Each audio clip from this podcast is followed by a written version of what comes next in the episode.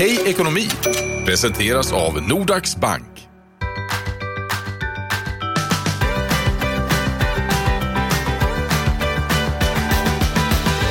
Då säger vi hej och välkommen till podden Hej ekonomi där det idag ska handla om jämställd boendeekonomi. Och till min hjälp har jag även idag Hanna från Nordax Bank. Hej Hanna! Hej på dig! Jämställd boendeekonomi. Eh, ska vi börja med bara förklara vad det är och vad det betyder?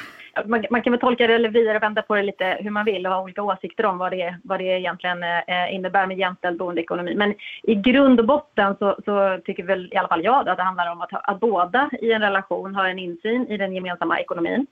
Eh, och att eh, man inte liksom bara fokuserar på, de, på utgifterna och att de ska vara jämställda utan att man också har liksom ett eget sparande, man har en egen buffert. Eh, att man inte betalar av sin partners amorteringar och räntor om det, om det är så att man äger olika mycket i boendet. Mm. Eh, och sen självklart då att man kompenserar för löneskillnader liksom i, ifall man har sådana stora löneskillnader eller föräldraledighet och, och liknande. Det är väl inte så vanligt att man pratar om det här kanske hemma vad jag förstår. Hur gör man för att ta upp det här ämnet hemma tycker du? Nej, men det, jag, jag, tror att det här är jättekänsligt. Eh, att prata pengar är ju känsligt i, egentligen i alla sammanhang och alla relationer man har.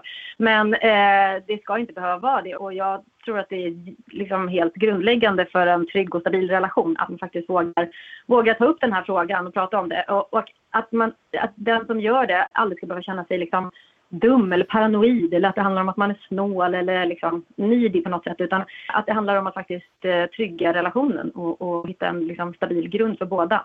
På vilka, på vilka områden är liksom ojämlikheten störst då, respektive minst? Vart, vart är det det skiljer eh, i, i en relation så?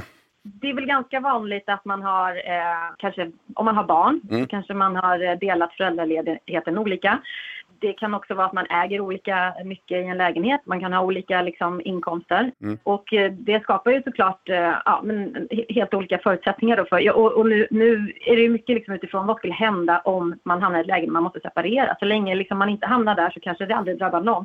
Men, men man ska nog ändå liksom alltid vara grundad och förberedd för att någonting skulle kunna ske. Så, så det skulle jag säga. Och liksom vad man har för typ av buffert och eget sparande och sådär. Det kan skilja ganska mycket. Hur ser det ut idag då? Är vi liksom jämställda i, i, överlag i Sverige? Nej men mindre än vad vi tror, eh, verkar det som. Vi mm. har gjort en undersökning, eh, en ganska stor undersökning i, i höstas här tillsammans med eh, ett företag som heter Novus då fick vi fram siffror som säger att Eh, ja, men fram, framförallt då att liksom sju av tio par har egentligen aldrig pratat om sin boendeekonomi. Liksom har, har, har inte har inte utvärderat eller liksom gjort någon nulägesanalys. Oj, okay. eh, och faktum är att en av fem kvinnor i en relation med gemensamt boende har undvikit skilsmässa på grund av eh, ja, oro för att inte kunna fixa sin egen, ett eget boende. Jag förstår. Hur kan vi komma till rätta med det här problemet då? Liksom, hur, hur, löser vi den här, hur löser vi den här situationen snabbt och enkelt? Ja, men precis. Nej, men det, det, det finns ju som vanligt ingen quick fix kanske, men det finns ju saker man kan tänka på. Vi, vi gjorde faktiskt precis en kampanj där vi uppmanade folk att uh, skilja sig fast på låtsas. Ah, okay. eh, att man helt enkelt skulle sätta sig ner vid, vid, vid bordet, eh, middagsbordet kanske då, och ah. eh, ta upp frågan och säga om vi hade skilt oss här och nu, hur skulle det se ut? Är vi då jämställda? Har vi båda samma förutsättningar?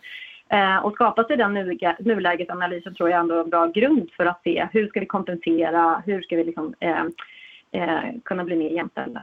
Och i grund och botten så är det såklart utbilda sig, se till att bli så självständig som möjligt. En viktig grej är att inte betala sin partners räntor och amorteringar. Eh, och att ha ett eget sparande såklart. Jag förstår, jag förstår. Spännande experiment och eh, skrämmande men ändå bra såklart att eh, skojskilja sig så att säga. Ja, men jag tror det blir, då blir det konkret och, ja. eh, och det är väl bättre att göra det eh, tidigt då så, så har man liksom det, så har man alla korten på bordet och så vet man att man har ordning på, på, på pengarna. Mm. Jag har en lyssnarfråga här också Hanna. Eh, ganska mm. lång men du får hänga med här. Den lyder. Min mm. man tjänar cirka 5 000 kronor mindre per månad än jag. Men jag är exempelvis den som betalar våra barns fritidsaktiviteter och även den som vabbar mest samt har sämre pensionsvillkor genom mitt arbete.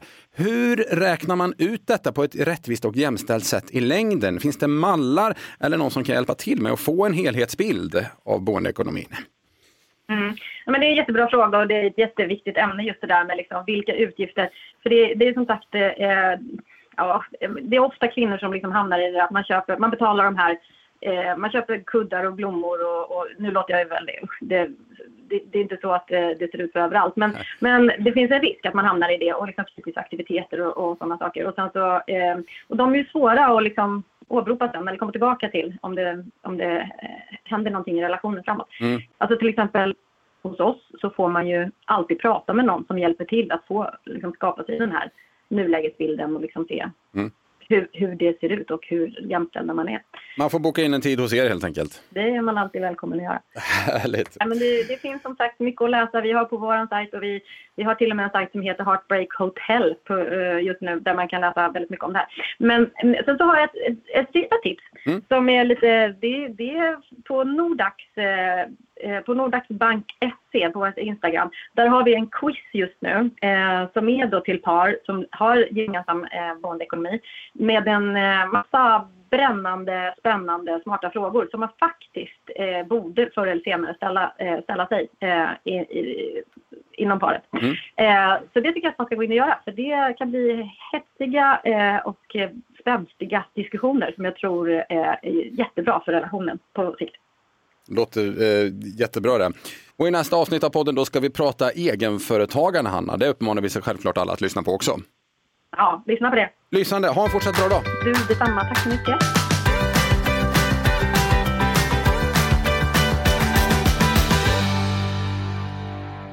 Hej ekonomi presenteras av Nordax Bank.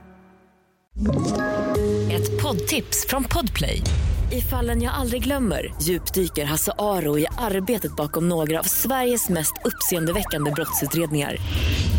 Går vi in med hemlig telefonavlyssning och, och då upplever vi att vi får en total förändring av hans beteende. Vad är det som händer nu? Vem är det som läcker? Och så säger han att jag är kriminell, jag har varit kriminell i hela mitt liv men att mörda ett barn, där går min gräns. Nya säsongen av Fallen jag aldrig glömmer på Podplay.